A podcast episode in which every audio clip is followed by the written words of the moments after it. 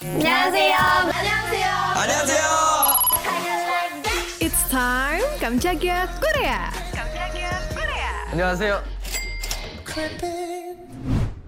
Wah, wah, wah, apalagi nih? Baru beberapa hari yang lalu drama Reborn Rich udah selesai dengan ending yang membagongkan dan masih trending karena rating drama tertinggi pada tahun ini Reborn Rich. Ternyata Song Joong Ki juga ikutan trending dan bikin heboh netizen loh. Awalnya netizen berspekulasi satu hal kebersamaan Song Joong Ki dengan wanita di setiap acara. Nah, Uri Opa juga udah mengonfirmasi perihal dia menjalin asmara sama kalangan non-selebriti. Siap-siap trending hari patah hati nasional ya. Uhuhu. Kekasih Song Joong Ki ini juga aktris Inggris sebenarnya. Jadi Katie Lois Saunders waktu itu sama Song Joong Ki ngehadirin event di Jakarta dan melipir dulu ke Pulau Dewata bareng kekasih buat datang ke suatu acara juga. Wah, uwu banget ya Sobat Medio. Agensi Song Joong Ki, Zoom Studio juga udah membenarkan kalau Song Joong Ki udah off market ya. Nggak cuma itu aja, di setiap momen sebenarnya Opa udah mention beberapa nama yang ambil andil di kehidupannya. Seperti saat Joong Ki pidato di Asia Pacific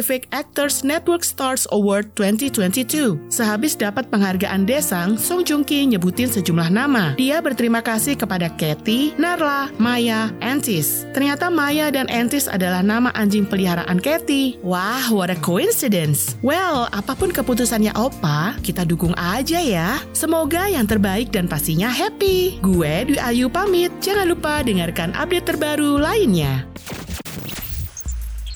Tungguin episode selanjutnya ya.